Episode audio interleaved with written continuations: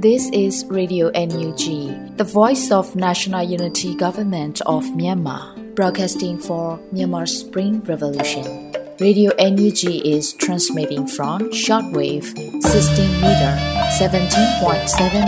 MHz at 8:30 a.m. and 25 meter 11.94 MHz at 8:30 p.m. Myanmar Standard Time. မင်္ဂလာပါရှင်။ မြို့သားညီညွတ်ရေးအစိုးရရဲ့အတန်လွင့်ဌာန Radio NUG ကိုမနက်ပိုင်း၈နာရီခွဲမှာလိုင်းတူ16မီတာ19.89 MHz ညပိုင်း၈နာရီခွဲမှာလိုင်းတူ25မီတာ17.6 MHz တို့မှာဓာတ်ရိုက်ဖမ်းယူနိုင်စေနိုင်ပါရှင်။မင်္ဂလာအပေါင်းနဲ့ပြည့်စုံကြပါစေ။အခုချိန်ကစပြီး Radio NUG အစီအစဉ်လေးကိုဓာတ်ရိုက်အတန်လွှင့်ပေးနေပါပြီရှင်။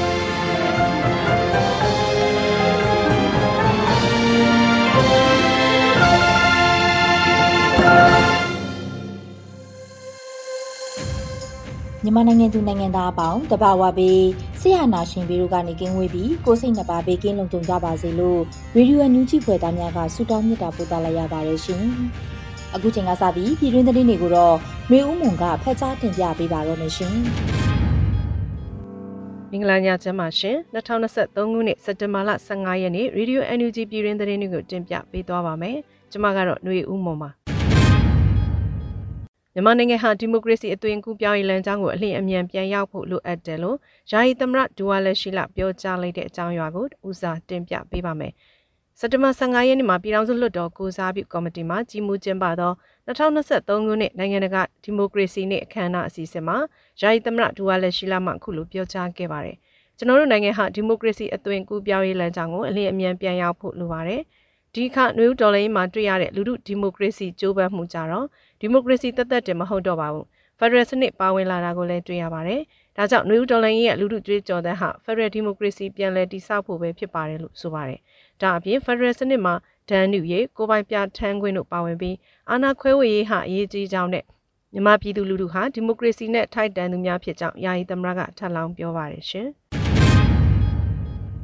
မျိုးဆက်သစ်လူထုဟာဘယ်တော့မှအာဏာရှင်ကိုဒူးထောက်မှာမဟုတ်ဘူးလို့ပြည်ထောင်စုဝန်ကြီးချုပ်သတင်းစကားပါလိုက်တဲ့အကြောင်းအရာကိုလည်းတင်ပြပေးပါမယ်။စက်တင်ဘာ15ရက်နေ့မှာပြည်ထောင်စုလွှတ်တော်ကိုစားပြုကော်မတီမှကြီးမှုကျင်းပတဲ့2023ခုနှစ်နိုင်ငံတကာဒီမိုကရေစီနေ့အခမ်းအနားအစီအစဉ်မှာပြည်ထောင်စုဝန်ကြီးချုပ်မန်ဝင်းခိုင်တန်းမှအခုလိုပြောကြားလိုက်ပါတယ်။ကျွန်တော်တို့မျိုးဆက်သစ်လူထုကြီးဟာဘယ်တော့မှအာဏာရှင်ကိုဒူးထောက်မှာမဟုတ်ပါဘူး။ဒီလိုပဲကျွန်တော်တို့ဒီမိုကရက်တစ်ပြည်သူ့ခေါင်းဆောင်များဟာလည်းအာဏာရှင်စနစ်မြမမြေပေါ်ကပေးတိုင်ချုပ်ငိမ့်သည့်အထိ တိုက်ပွဲဝင်ကြဖို့စိတ်ဆုံးဖြတ်ထားပြီးဖြစ်ပါတယ်။ဒါကြောင့်လဲကျွန်တော်တို့တော်လိုင်းဟာအားနည်းခြင်းများအဆအဆအရာရာမပြည့်စုံမှုများရှိပြီးဂျမစစ်တပ်တပ်ဖြတ်နေတဲ့ကြားကဒုရဲကြီးမားစွာနဲ့ခုခံတိုက်ခိုက်နေနိုင်ခဲ့တာဖြစ်ပါတယ်လို့ဆိုပါတယ်။2021ခုနှစ်ဖေဖော်ဝါရီလရက်နေ့စစ်တပ်ကနိုင်ငံတော်အာဏာကိုလူယူပြီးနောက်ပိုင်းဆီယနာရှင်စန့်ကျင်လူလူလှုပ်ရှားမှုနဲ့အတူနှွေဦးတော်လိုင်းဟာပေါ်ပေါက်ခဲ့ပါတယ်ရှင်။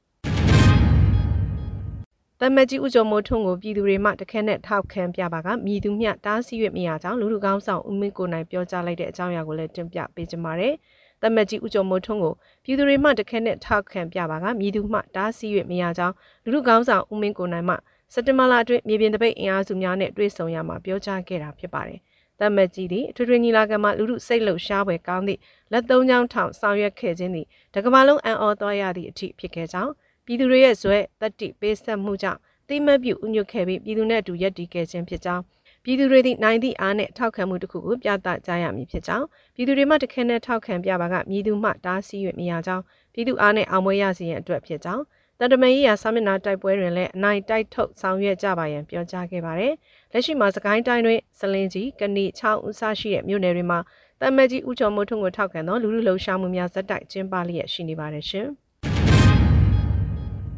ထိုင်းနိုင်ငံစူဖန်ဘူရီခရိုင်စူဖန်ဘူရီမြို့နယ်ရှိဆာလာအိတ်ချုပ်ဆက်ရုံနဲ့အလုပ်လုပ်ကိုင်နေတဲ့ MOU မြန်မာအလုပ်သမား300ရဲ့အခက်အခဲများကိုညှိနှိုင်းဆောင်ရွက်ပေးနိုင်ခဲ့တယ်လို့သတင်းထုတ်ပြန်တဲ့သတင်းကိုလည်းတင်ပြပေးပါမယ်။စက်တင်ဘာ15ရက်မှာ NUG အလုပ်သမားဝန်ကြီးဌာနတိုင်ကြားရေးရန်နေရာမှာအခုလိုအသိပေးဆိုပါရယ်။ထိုင်းနိုင်ငံစူဖန်ဘူရီခရိုင်စူဖန်ဘူရီမြို့နယ်ရှိဆာလာအိတ်ချုပ်ဆက်ရုံတွင်အလုပ်လုပ်ကိုင်နေသော MOU မြန်မာအလုပ်သမား300၏ passport စာအုပ်များတင်ထားခြင်း ပကံစခွန်လူမှုဖူလုံရေးခန်းစားခွင့်ရရှိရေးနဲ့မြန်မာလူသမားမျိုးသမီးများကိုစက်ရုံရှိစကပြန်မှာမဖွဲမရထိပါပြုမှုဆောင်ရွက်နေမှုများတားဆီးပေးရန်အတွက်ကိုရဲမင်းဦးဆောင်သော MHAC မဟာမိတ်ဖွဲ့ထံသို့အကူအညီတောင်းခံခဲ့တယ်လို့ဆိုပါရယ်ဆိုပါကိစ္စရဲ့အမျိုးသားညီညွတ်ရေးအစိုးရအလို့သမားဝန်ကြီးဌာန၏ပြည်ပလုပ်ကိုင်စီမံခန့်ခွဲဦးစီးဌာနမှတာဝန်ရှိသူများနဲ့ MHAC မဟာမိတ်အဖွဲ့ဝင်များမှစူဖန်ဘူရီခရိုင်အလုပ်ကိုင်ဦးစီးဌာန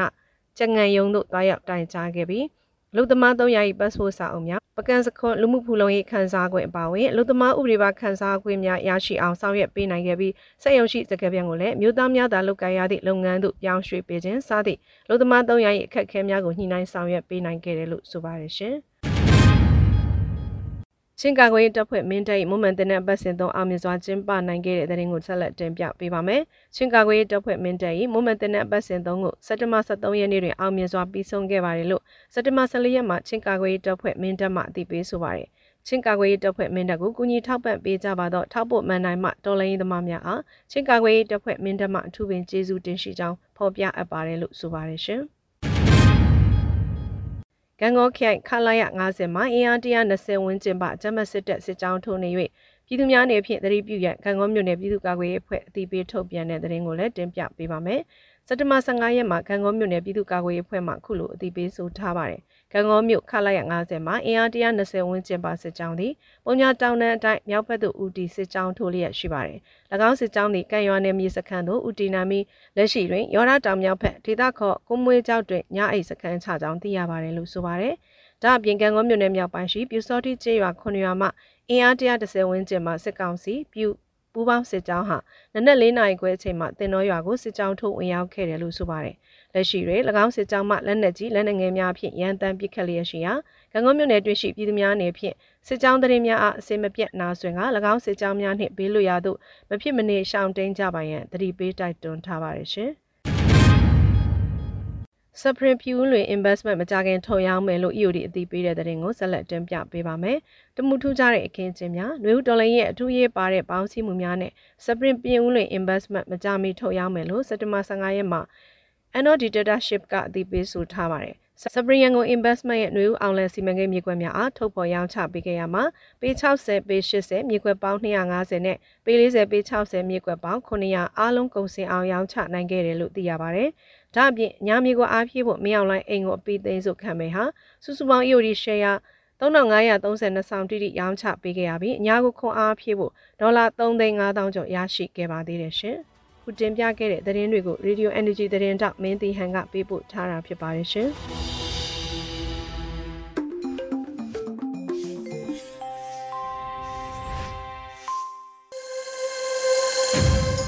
ရေဒီယိုညူချီရဲ့ညပိုင်းစီစဉ်တွေကိုဆက်လက်တင်ပြနေပါတယ်။အခုဆက်လက်ပြီးနားဆင်ကြရမှာကတော့တော်လှန်ရေးကြပြအနေနဲ့လူကြပြရေးသားပြီးမျိုးဦးမှုရှုဖတ်ထားတဲ့ဥပိ္ပခါများလို့အမည်ရတဲ့တော်လှန်ရေးကြပြကိုနားဆင်ကြရတော့မှာဖြစ်ပါတယ်ရှင်။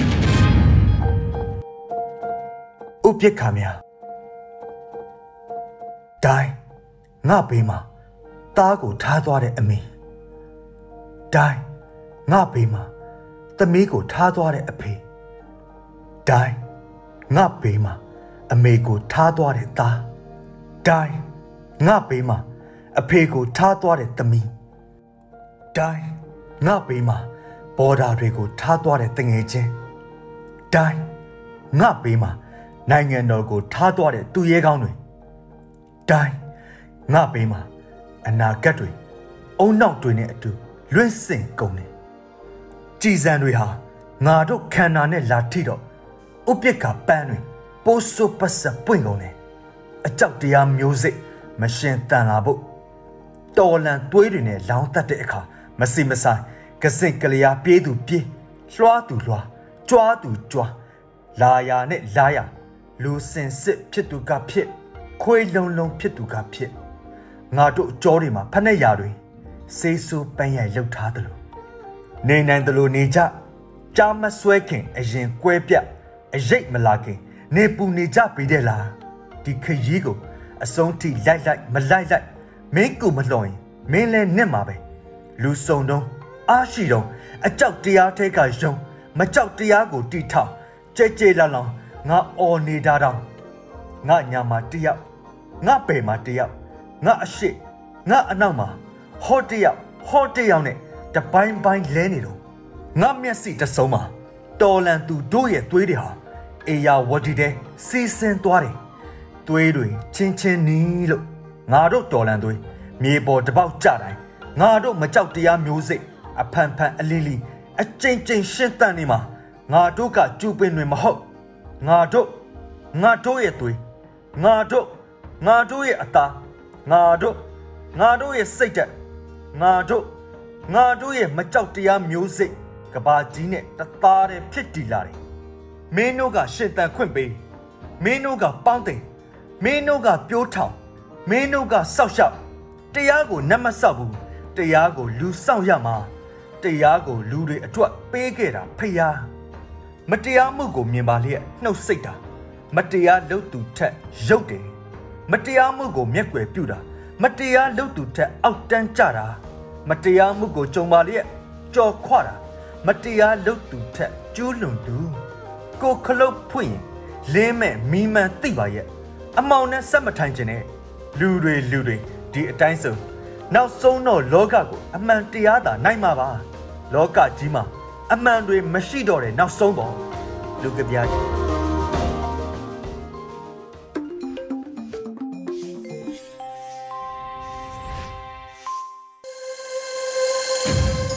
ရေဒီယိုညူချီမှာဆက်လက်တမ်းမြင်နေပါတယ်။ အခုဆက်လက်ပြီးနားဆင်ကြရမှာကတော့မကြေးမုံပေးပို့လာတဲ့စိုက်ပျိုးစည်းပွားတောင်သူစကားသံအစီအစဉ်မှာတော့ရှမ်းမြောက်ဒေသမှာကုန်စည်နှုန်းကြီးမြင့်လာတာနဲ့လုံသားခက်ခဲတွေကြောင့်လက်ဖက်ခူးဆွနှုံကြောကြလာပြီးစက်ရုံတွေပိတ်လာရတဲ့အထိဖြစ်ပွားနေဆိုတဲ့စိုက်ပျိုးစည်းပွားတောင်သူစကားသံအစီအစဉ်ကိုတော့လွတ်လပ်နေဦးကတင်ဆက်ပေးထားပါတယ်ရှင်။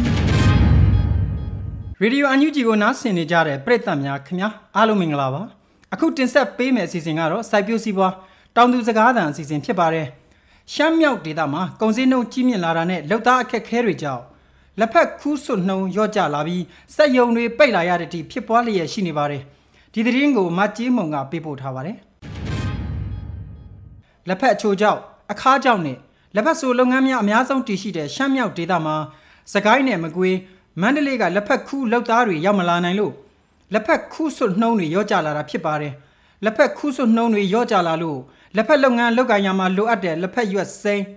ကုန်ချမ်းမရရှိတဲ့အတွက်စက်ယုံချို့ပိတ်သိမ်းရတတိဖြစ်လာရတာပါဒီအခြေအနေကိုရှမ်းပြည်မြောက်ပိုင်းနမ်ဆန်မြို့နယ်မှာလက်ဖက်အချို့ကြောင့်အခါကြောင့်လုပ်ငန်းလုပ်ကိုင်နေသူတူကအခုလိုပြောပြပါတယ် လက်ဖက်ချန်တစ်ချက်မှာဟိုမှာတင်းပြစ်ချက်ပြစ်ကိုခုံးမယ်ဆိုရင်ဟိုမှာဧကမှာဗိဒ္ဓကိန်း200ကျော်ထွက်မယ်ဟာကိုဟိုမှာတဝက်ပဲထွက်တယ်ဆိုရင်တော့ဒါကကျွန်တော်ထုတ်လုပ်သူအနေနဲ့ကတောင်းတူတက်လဲတော့တင်းပြစ်ချက်ပြစ်ဟိုမရတော့ဘူးနော်မရတော့ကျွန်တော်ထုတ်လုပ်သူအနေနဲ့လည်းတရက်ကိုဟိုမှာရက်စင်းကျွန်တော်တို့က1000လောက်ကျိတ်မှာကိုကျွန်တော်9000လောက်ပဲကျိတ်နေဆိုတော့ကျွန်တော်တို့ဒီထုတ်လုပ်မှုချင်းတွေတက်လာတာပေါ့နော် COP ပေါ့ cost of production နဲ့တက်လာတယ်ထုတ်လုပ်မှုချင်းနဲ့တက်လာတယ်ဒီဘိတ်တာထုတ်လုပ်မှုနဲ့တက်လာတဲ့အချိန်မှာခင်းမြင်သွားတာပေါ့နော်အဲကြောင့်မို့ထုတ်လုပ်မှုနဲ့ကကျွန်တော်ကစက်ရုံသမားဆိုတော့ကိုကအတင်းပြစ်ချက်ပြစ်ပဲလဲကျင်တယ်လေအဲကြောင့်မို့ဒီလက်ဖက်ခုတောင်သူဘက်ကထွက်လာတဲ့လက်ဖက်ထုတ်လုပ်မှုနည်းလာရင်ကျွန်တော်ကျွန်တော်စီမှာလဲတင်းပြစ်ချက်ပြစ်လဲပတ်မှုမဖြစ်ဘူးပေါ့အဲ့ဒါတခုရယ်နောက်ပြီးတော့ကျွန်တော်တို့ဒီအဲ့ဒီအဲ့ဒီနောက်ပိုင်းမှာကျွန်တော်တို့ဒီဟိုလုပ်သမားတွေလည်းကျတော့တစ်ခါလေကျတော့ကိုကခိုင်းရတာပြရတာခုနကပြောသလိုဟိုမစင်မပြေတော့ဗျအဲ့လိုမျိုးလေးတွေဖြစ်တတ်တယ်ကိုလိုတော့နေထားလေနောက်ပြီးတော့တချို့ဒီစက်ရုံတွေလည်းပြရတဲ့နေသားမျိုးရှိတာပေါ့နော်အဲ့လိုမျိုးလေးဖြစ်တာပါခုလည်းရှင်းနေတာဟုတ်ဟုတ်လက်ဖက်ရွက်စိမ်းခူးဆွတ်နိုင်တဲ့အနေအထားကလုပ်ငန်းလှည့်ပတ်လို့မရနိုင်လောက်အောင်ထိခိုက်လာတဲ့အတွက်ရှမ်းမြောက်ကလက်ဖက်လုပ်ငန်းလုပ်ကိုင်သူချို့ဟာ ပင်းတရရွာငံစတဲ့ရှမ်းတောင်ဒေသဘက်ကိုလက်ဖက်ရွက်စိမ်းရရှိဖို့ရွှေ့ပြောင်းလုပ်ကိုင်လာကြရပါတယ်ဒီအခြေအနေကိုတော့လက်ဖက်လုပ်ငန်းကျွမ်းကျင်သူတူဦးကအခုလိုပြောပါတယ်ချို့နေရာတွေမှာရှမ်းမြောက်တို့ဘာတို့ဒီအချို့တိုက်ပွဲဖြစ်တဲ့နေရာတွေတော့ထုတ်လုပ်မှုကနည်းသွားတာပေါ့ဥပမာဆိုလို့ရှိရင်အခုလက်ဖက်ကုမ္ပဏီတွေတော်တော်များများဆိုရင်ရှမ်းမြောက်ကနေပြီးတော့ရှမ်းတောင်ကိုဆင်းလာကြတာရှိတယ်လေအဓိကလက်ဖက်အဆူသမားတွေပေါ့လက်ဖက်အဆူသမားတွေဆိုလို့ရှိရင်ရှမ်းမြောက်ကနေရှမ်းတောင်ကို ဆင်းလာတာရှိတယ်ရှမ်းမြောက်မှာကျတော့အရင်တော့ဆိုလို့ရှိရင်လက်ဖက်ခူးတဲ့ရာသီဆိုစကိုင်းတို့ကတော့လည်းတက်ပြီးတော့ခူးကြတယ်လေခူးကြတော့အဲ့ဒါမျိုးတွေကလုံးဝမရှိတဲ့ခါကျတော့လုံသားရှားပါမှုပြဿနာဖြစ်တယ်အဲ့ဒီအတွက်ကိုခုနလိုပေါ့နော်သူ့ရဲ့အကျိုးဆက်ကအကုန်လုံးနောက်လျှောက်ပဲလေလုံသားရှားပါမှုပြဿနာထုတ်လုပ်မှုစရိတ်တွေကြီးမြင့်တဲ့ပြဿနာတည်ယူဖို့ဆောင်ရည်ပြဿနာနောက်ပြီးတော့ကိုတို့ထုတ်ပိုးကုန်ချမ်းပစ္စည်းတွေရဲ့ဈေးနှုန်းကြီးမြင့်လာတဲ့ပြဿနာစသဖြင့်အကုန်လုံးပေါ့နော်အကုန်လုံးဒီ supply chain တစ်ခုလုံးကအကုန်လုံးဈေးတွေကြီးလာတဲ့ခါကျတော့ ဈေးကြီးတာတဲ့ဒီရှမ်းမြောက်မှာအချို့နေရာတွေမှာကလုလို့မရတော့တာပေါ့နော်တိုက်ပွဲဖြစ်နေတဲ့ပြဿနာစစ်ပုံးအဲစစ်ပုံးစစ်ရှောင်းရှိနေတဲ့ပြဿနာကြောင့်အချို့နေရာဆိုလက်ဖက်တွေမခိုးနိုင်ဘူးလက်ဖက်ထုတ်လုပ်မှုတွေရပ်ထားရတယ်အဲ့လိုအခြေအနေမျိုးတွေရှိတယ်2021ခုနှစ်စစ်တပ်ကအာဏာသိမ်းပြီးတဲ့နောက်ပိုင်းဒေါ်လာငွေကြေးအကျပ်တဲကိုဖြည့်ရှင်းဖို့အတွက်ကုန်သွယ်မှုလုပ်ငန်းလုပ်ကိုင်သူတွေရဲ့ပို့ကုန်ရငွေတန်ဖိုးကိုဈေးကွက်ပေါက်ဈေးတိုင်းခန်းစား권မပေးတာကြံငွေတန်ဖိုးကျဆင်းလာတာတွေက ပြည်တွင်းထုတ်ကုန်လုပ်ငန်းတွေပေါ်မှာအကြီးအကျယ်သက်ရောက်မှုဖြစ်စေပါတယ်။ဈေးကွက်ထဲကိုပုံမှန်ပို့ဆောင်ပေးနေတဲ့လက်ဖက်ချင်ဆက်ထုတ်ကုန်တစ်ခုကနှစ်ပေါင်း20တွင်တစ်ထုပ်ကိုကျပ်90ဈေးနှုန်းနဲ့အရေးသွေးမပြောင်းလဲပဲဖြန့်ဖြူးနေရကနေအခုလအတွင်းမှာဈေးနှုန်းတက်ခဲ့ရတဲ့အခြေအနေကိုတော့အဲ့ဒီလုပ်ငန်းလုပ်ကိုင်နေသူတဦးကအခုလိုပြောပြထားပါတယ်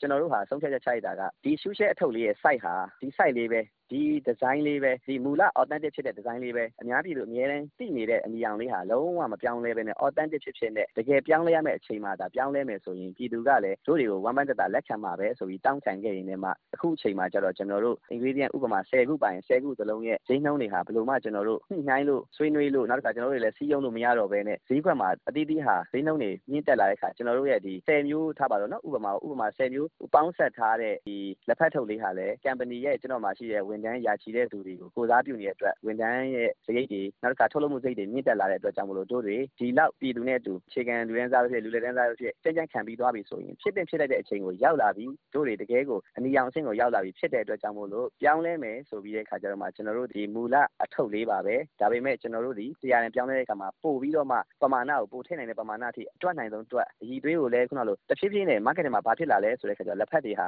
တဖြည်းဖြည်းနဲ့ရှင်ပြိုင်ကြရင်နဲ့စီမပါပြားမပါ အရသာတွေ ချို့တက်လာရင်ဖြစ်လာတာတွေမျိုး မဖြစ်အောင် အရသာကို ပို့ပြီးကောင်းမွန်အောင် ဟိုးလွန်ခဲ့အနှစ်20ကထုတ်ခဲ့တဲ့ အရသာမျိုးဖြစ်အောင်စီရွှဲရွှဲနဲ့ ကောင်းကောင်းမွန်လက်ဖက်လေးတစ်ထုပ်ဖြစ်ပြီးတော့မှ ဒါအခုဆိုလို့ရှိရင်တရားဆိုတဲ့နေရာကို ပြောင်းမယ်ဆိုရင် ဒီစားသုံးသူကလည်း လက်ခံပါပဲဆိုတော့ကျွန်တော်အဖက်ဖက်ကနေပြီးတော့ research လုပ်တဲ့ analysis လုပ်ပြီးတဲ့အခါကျမှ ကျွန်တော်တို့ ဒီအခု6လပိုင်းမှာ ပြောင်းလဲလိုက်တာပါ မြန်မာတနိုင်ငံလုံးမှာ လက်ဖက်စိုက်ဧကပေါင်း2သိန်း4000နီးပါးရှိပြီး ရှမ်းမြောက်ဒေသမှာတော့ စိုက်ဧက3သိန်း4000နီးပါးနဲ့ စိုက်ဧကအများဆုံးတည်ရှိရာဒေသလည်းဖြစ်ပါတယ်။လက်ဖက်ညွန့်တွေကိုပုံမှန်ခုဆွတ်မနိုင်တော့ဘဲအပင်ပြုစုနိုင်တာမရှိတော့တဲ့အတွက်ခုဆွတ်ဖို့ခက်ခဲတဲ့အပင်ကြီးတွေဖြစ်ကုန်တာ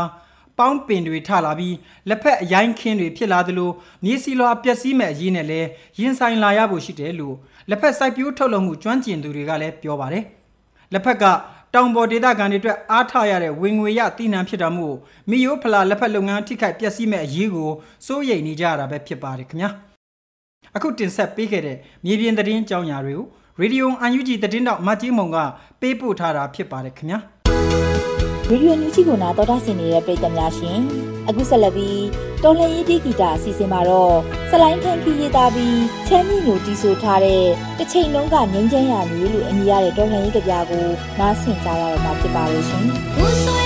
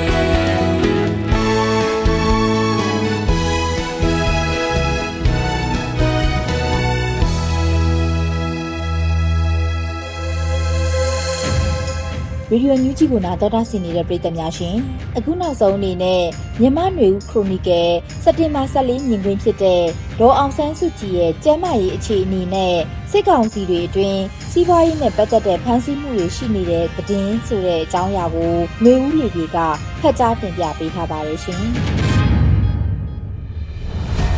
ဒေါ်အောင်ဆန်းစုကြည်ရဲ့ကျမ်းမာရေးအခြေအနေနဲ့စစ်ကောင်းဆောင်တွေအတွင်းစီးပွားရေးနဲ့ပတ်သက်တဲ့ဖမ်းဆီးမှုတွေရှိနေတယ်ဆိုတဲ့သတင်းလို့အမည်ရတဲ့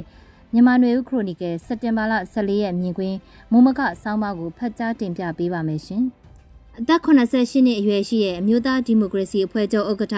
ဒေါအောင်ဆန်းစုကြည်ဟာလုံလောက်တဲ့ကျန်းမာရေးကုသမှုမရရှိဘူးဆိုတဲ့သတင်းတွေသတင်းဌာနတွေမှာဖော်ပြနေကြပြီးဗြိတိန်နိုင်ငံမှာနေထိုင်တဲ့တားဖြစ်သူကလည်းစိုးရိမ်ကြောင်းသတင်းမီဒီယာတွေကိုထုတ်ဖော်ပြောဆိုထားတာတွေ့ရပါတယ်။ ဒေါအောင်ဆန်းစုကြည်ဟာတွားကြိုက်တဲ့ဝေဒနာခံစားရရာက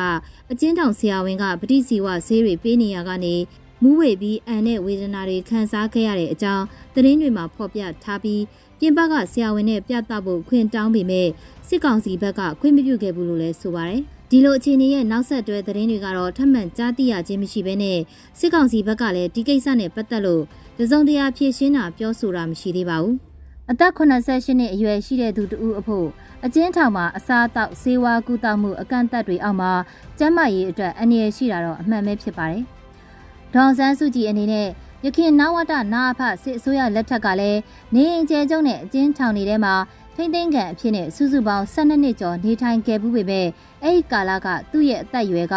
90ဝန်းကျင်ကနေ65နှစ်ဝန်းကျင်တွေဖြစ်လို့ကျန်းမာရေးအပြင်ကောင်းမွန်တဲ့ကာလခန္ဓာရည်ရှိတဲ့ကာလဖြစ်ပြီး အခုချိန်ဖန်ဆီးခံရချိန်မှာတော့တက်ရွယ်အားဖြင့်85နှစ်ကျော်ရောက်ရှိနေတဲ့အနေအထားဖြစ်လို့ကျန်းမာရေးကစိုးရိမ်စရာဖြစ်လာတဲ့သဘောလေးဖြစ်ပါတယ်။ဒေါ်ဆန်းစုကြည်ရဲ့ကျန်းမာရေးနဲ့ပတ်သက်လို့ပြပရောက်နေတဲ့အမျိုးသားဒီမိုကရေစီအဖွဲ့ချုပ်ကစက်တင်ဘာလ14ရက်နေ့နေ့စွဲနဲ့သတင်းထုတ်ပြန်ချက်တစ်စောင်ထုတ်ပြန်လိုက်ပါတယ်။ထုတ်ပြန်ချက်ထဲမှာဒေါ်ဆန်းစုကြည်အနေနဲ့ဥပဒေမဲ့ဖမ်းဆီးပြစ်ဒဏ်ချမှတ်ခံထားရတဲ့အကြောင်းအပြစ်သစုံတရားမရှိတဲ့အကြောင်း နိုင်ငံရေးအကျဉ်းသားတဦးရဲ့အခွင့်အရေးတစုံတရာမျှမရရှိဘဲကျန်းမာရေးနဲ့ညီညွတ်တဲ့အစားအသောက်နေရာထိုင်ခင်းတွေပေးမထားဘဲအသက်အန္တရာယ်ရှိတဲ့အနေအထားမျိုးတမင်တကာဖန်တီးထားလို့ပါတီအနေနဲ့အထူးစိုးရိမ်ပူပန်ကြောင်းရေးသားထားပြီးအမျိုးသားဒီမိုကရေစီအဖွဲ့ချုပ်ခေါင်းဆောင်နဲ့အခြားနိုင်ငံရေးအကျဉ်းသားတွေလွတ်မြောက်ရေးအတွက်ကြိုးပမ်းအားထုတ်နေကြတဲ့ကမ္ဘာခေါင်းဆောင်တွေနိုင်ငံအသီးသီးကဆိုရတွေကုလသမဂ္ဂ အာဆီယံအတိုင်ဝန်းနဲ့အင်ဂျီချင်းနိုင်ငံခေါင်းဆောင်တွေရဲ့ကြိုးပမ်းမှုတွေကိုအတိမတ်ပြုကြောင်းနဲ့ထက်မှန်တွန်းအားပေးတိုက်တွန်းကြဖို့တောင်းဆိုလိုက်တယ်လို့ပါရှိတာဖြစ်ပါတယ်။ဒေါ်ဆန်းစုကြည်ကိုရခိုင်စစ်အစိုးရလက်ထက်ကနေနေအကျယ်ချုပ်အနေထားနဲ့အခုမင်းအောင်လှိုင်ဦးဆောင်တဲ့စစ်ကောင်စီလက်ထက်နေပြည်တော်အချုပ်ထောင်ထဲမှာအထူးစီမံထားတဲ့အဆောင်မှာထားရှိတဲ့အခြေအနေတွေကအများကြီးကွာခြားတယ်လို့ဆိုနိုင်ပါတယ်။လိုအပ်တဲ့စေဝါ အစားအသောက်နဲ့အဆောက်အုံရဲ့တက်တောင့်တက်တာဖြစ်မှုအနေအထားတွေကွာခြားတာဖြစ်ပြီးတော့အခြားသောနိုင်ငံရေးအကျဉ်းသားတွေနဲ့တားတဲ့အနေအထားမျိုးလို့ဆိုကောင်းဆိုနိုင်တဲ့တိုင်အောင်အသက်အရွယ်အပြင်အခုလိုအကျဉ်းကျနေတဲ့အောက်မှာဖြစ်ပွားတဲ့ယောဂဝေဒနာကကောင်းမွန်တဲ့လုံလောက်တဲ့ကုသမှုမရရင်ပျောက်ကင်းဖို့ခက်ခဲမှာဖြစ်ပါတယ်။2015-2020ခုနှစ်တွေအတွင်းအချို့သောတိုင်းရင်းသားပါတီတွေအဖွဲ့အစည်းတွေရဲ့ယုံကြည်မှုအချို့ဆုံးရှုံးခဲ့ရက ရိုဟင်ဂျာအရေးမှာလည်းအနောက်နိုင်ငံတွေရဲ့ယုံကြည်မှုတချို့ဆုံးရှုံးခဲ့ရပေမဲ့မြန်မာနိုင်ငံတွင်ဗမာလူမျိုးတွေနဲ့ရာဂိုင်နှုန်းအတိုင်းအတာတစ်ခုထိရှိတဲ့တိုင်းရင်းသားတွေရဲ့ယုံကြည်မှုအားကိုးမှုကိုရရှိထားဆဲဖြစ်လို့မြန်မာနိုင်ငံရေးရဲ့ဘိုးအချက်တွေတဲကတယောက်ဖြစ်နေစေအနေထားလည်းဖြစ်ပါတယ်။2021ခုနှစ်မှာစစ်အာဏာသိမ်းတဲ့မင်းအောင်လှိုင်ဦးဆောင်တဲ့စစ်ဗိုလ်ချုပ်တွေကဒေါ်အောင်ဆန်းစုကြည်ရဲ့နိုင်ငံရေးအခမ်းကဏ္ဍပြီးဆုံးသွားစေခြင်းနဲ့ဆန္ဒမျိုးရှိနေပြီး ရခင်နဝတနာအဖလက်ထက်ကနေအကျယ်ချုပ်အနေထားမျိုးတောင်ထားရှိဖို့ခွင့်မပြုနိုင်တာကိုကြည့်ရင်သိရှိနိုင်တယ်လို့ရာဇဝတ်ဆိုင်ရာပုံမှန်တွေအဂတိလိုက်စားမှုဆိုင်ရာပုံမှန်တွေနိုင်ငံတော်ရှိုးဝက်ချက်ပေါက်ကြားမှုလိုပြစ်ဒဏ်ကြီးမားတဲ့ပုံမှန်တွေနဲ့အမှုပေါင်းတရားစင်ကျော်ဆွဲဆိုထားပြီးထောင်ဒဏ်ချမှတ်ခဲ့တာကိုကြည့်ရင်လဲနိုင်ငံရေးရနလန်မထူအောင်လှုပ်ဆောင်ဖို့စ조사မှုလို့ကောက်ချက်ချရမှာဖြစ်ပါတယ်။ဒါပေမဲ့လည်းပြောင်းလဲလာတဲ့အခြေအနေတွေ စစ်ရေးအရအပြတ်သက်အနိုင်ယူဖို့ဒါမှမဟုတ်နေမြေတွေကိုထိန်းချုပ်ထားနိုင်ဖို့အင်အားချိန်ခွင်ရှာပြောင်းလဲမှုလက္ခဏာတွေတွေ့မြင်လာရချိန်မှာစစ်ကောင်စီအနေနဲ့ဒေါအောင်ဆန်းစုကြည်နဲ့တွေ့ဆုံဆွေးနွေးတာမျိုးလုံမလားဆိုတဲ့အချက်ကိုရွေးချယ်စရာအချက်တစ်ခုအဖြစ်ထည့်သွင်းလာတဲ့အနေအထားလေးတွေ့ရတာဖြစ်ပါတယ်။ပြီးခဲ့တဲ့ဇူလိုင်လ9ရက်နေ့ထိုင်းနိုင်ငံသားရေးဝန်ကြီးဖြစ်သူကိုတွေ့ဆုံခွင့်ပေးခဲ့ခြင်းကိုကြည့်ရင်အထက်ကရည်ရွယ်ချက်နဲ့လှုပ်ဆောင်ခဲ့တာလို့ကောက်ချက်ချနိုင်ပါတယ်။ဒါပေမဲ့ စစ်ကောင်စီကရှောက်ချင်တဲ့လမ်းကိုရှောက်ဖို့ဆိုရမှာဒေါ်အောင်ဆန်းစုကြည်ရဲ့တုံ့ပြန်မှုကလည်းအတိကကြတာဖြစ်ပါတယ်။ဒီလိုစကားပြောဆိုမှုတွေတန်းတူအနေအထားမျိုးမဆက်ဆံပဲအကျဉ်းချထားတဲ့အကျဉ်းသားတယောက်နဲ့မိမိအသာစီးရမယ်အပေးယူအနေအထားမျိုးတွေကအောင်မြင်မှုခက်ခဲလိမ့်မှာလည်းဖြစ်ပါတယ်။စစ်ကောင်စီအနေနဲ့ကိုချိုးခြင်းနဲ့ဖယ်ချိုးခွင့်ရှိတဲ့အနေအထားမျိုးမဟုတ်တော့တာကိုလည်းသတိပြုရမယ်အချိန်ရောက်နေပြီဖြစ်ပါတယ်။တစ်ဖက်မှာတော့ အသက်အရွယ်အားဖြင့်80ပြည့်ဖို့နှစ်နှစ်သာလိုတော့တဲ့နိုင်ငံရေးကောင်းဆောင်တယောက်နဲ့ပြည်ရင်းစစ်ကြောက်သေးကမြန်မာနိုင်ငံအနေအထားဟာလူတူတယောက်ရဲ့ဆန္ဒသဘောထားတွေနဲ့လမ်းပြမောင်းနှင်လို့ရတဲ့အခြေအနေမဟုတ်တော့ပဲနိုင်ငံရေးအရာစစ်ရေးအရာဝင်ရိုးစုံတွေတခုမကထွက်ပေါ်လာနေတဲ့အနေအထားလို့ဆိုကောင်းဆိုနိုင်တာဖြစ်ပါတယ်။ဒီကနေ့ဖို့နောက်ထပ်အကြောင်းအရာတစ်ခုကတော့လက်တလောထွက်ပေါ်နေတဲ့သတင်းတွေအတီးမပြုတ်နိုင်တဲ့ကောလာဟလတွေအထက်စစ်ကောင်စီဗိုလ်ချုပ်တွေအကြား ကုံသွယ်ရေးအဂတိလိုက်စားမှုအာဏာအလွဲသုံးစားမှုတွေရဲ့ပေါ်လာတဲ့အစကိုဆွဲရင်နောက်ဆုံးစစ်ကောင်ဆောင်ရဲ့အတွင်းဆုံးဆက်ဝိုင်းတွေကဗိုလ်ချုပ်ကြီးတွေဒုတိယဗိုလ်ချုပ်ကြီးတွေအထိရောက်လာသလားဆိုတဲ့ကောလာဟလသတင်းတွေဖြစ်ပါတယ်။စောင်းစီဈေးနှုန်းတွေမြင့်တက်လာရကစောင်းစီလုပ်ငန်းရှင်အသင်းကတာဝန်ရှိသူအချို့ကိုဖမ်းဆီးစစ်ဆေးရာကတဆင့် ကုံသွယ်မှုနဲ့ကုန်စည်စည်းစိမ်မှုမှန်ကန်မြန်ဆန်ရေးဗဟိုကော်မတီအတွင်းရေးမှူးဗိုလ်ချုပ်ရန်အောင်စိုးကိုပါဖမ်းဆီးစစ်မေးနေတဲ့ဆိုတဲ့သတင်းတွေထွက်ပေါ်ပြီးတဲ့နောက်ရက်အနှဲငယ်ကြာမှသူ့ကိုဒီယာရူရဖို့ဆွဲတင်ခဲ့တဲ့ဒုဗိုလ်ချုပ်ကြီးမိုးမြင့်ထွန်းကိုပါနေအကျယ်ကျုံနဲ့ဖမ်းဆီးစစ်ဆေးနေတဲ့ဆိုတဲ့သတင်းတွေယနေ့နေစွဲနဲ့ဖော်ပြထားတာတွေ့ရပြီးအချို့သောကောလာဟလသတင်းတွေကဒီနှစ်ခုတည်းမကစစ်ကောင်စီရဲ့ဒုဥက္ကဋ္ဌဖြစ်သူဒုဗိုလ်ချုပ်မှုကြီးစိုးဝင်းမှာ ထိမ့်သိမ်းခံထားရတယ်ဆိုတဲ့ကောလာဟလတွေအထိထွက်ပေါ်လာနေတာဖြစ်ပါတယ်။ဒီသတင်းကိုတော့အတီးပြုတ်နိုင်တဲ့အနေအထားမရှိပါဘူး။ဒါပေမဲ့စီးပွားရေးသွင်းကုန်ထုတ်ကုန်လိုင်စင်တွေဗဟိုဘဏ်ရဲ့ဒေါ်လာရောင်းချမှုတွေနဲ့ပတ်သက်လို့စုံစမ်းစစ်ဆေးရမှာစစ်ကောင်စီအတွင်းဆုံးစီးတဲ့အထိရောက်ရှိလာခြင်းဟာစစ်ကောင်စီအတွင်းအကြောင်းပေါ်စရာအကြောင်းတစ်ချက်ဖြစ်မလားဆိုတာတော့စောင့်ကြည့်ရမယ်အခြေအနေတစ်ခုဖြစ်တယ်လို့ဆိုရမှာဖြစ်ပါတယ်ရှင်။ ဒီကနေ့ကတော့ဒီညနဲ့ပဲ Radio NUG ရဲ့အစီအစဉ်လေးကိုခਿੱတရနာလိုက်ပါမယ်ရှင်။မြမစံတော်ချိန်မနက်၈နာရီခွဲနဲ့ည၈နာရီခွဲအချိန်တွေမှာပြန်လည်ဆုံတွေ့ကြပါစို့။ Radio NUG ကိုမနက်ပိုင်း၈နာရီခွဲမှာလိုင်းတူ16မီတာ19.8 MHz ညပိုင်း၈နာရီခွဲမှာလိုင်းတူ25မီတာ17.6 MHz တို့မှာဓာတ်ရိုက်ဖမ်းလို့နိုင်စေနိုင်ပါပြီ။ မြန်မာနိုင်ငံသူနိုင်ငံသားတွေကိုစိတ်နှပြကျန်းမာချမ်းသာလို့ဘေးကင်းလုံခြုံကြပါစေလို့ Radio NUG အဖွဲ့သူဖေသားတွေကဆုတောင်းမြတ်တာပို့တာနေပါတယ်ရှင်။မြေသားမျိုးတွေအစိုးရရဲ့စက်တော်ရင်သတင်းအချက်အလက်တွေလုပ်ပညာဝန်ကြီးဌာနကထုတ်လွှင့်နေတဲ့ Radio NUG ဖြစ်ပါတယ်။ San Francisco Bay Area အခြေစိုက်မြန်မာမိသားစုတွေနဲ့နိုင်ငံတကာကစေတနာရှင်တို့အားပေးနေတဲ့ Radio NUG ဖြစ်ပါတယ်။အရေးတော်ပုံအောင်ရမည်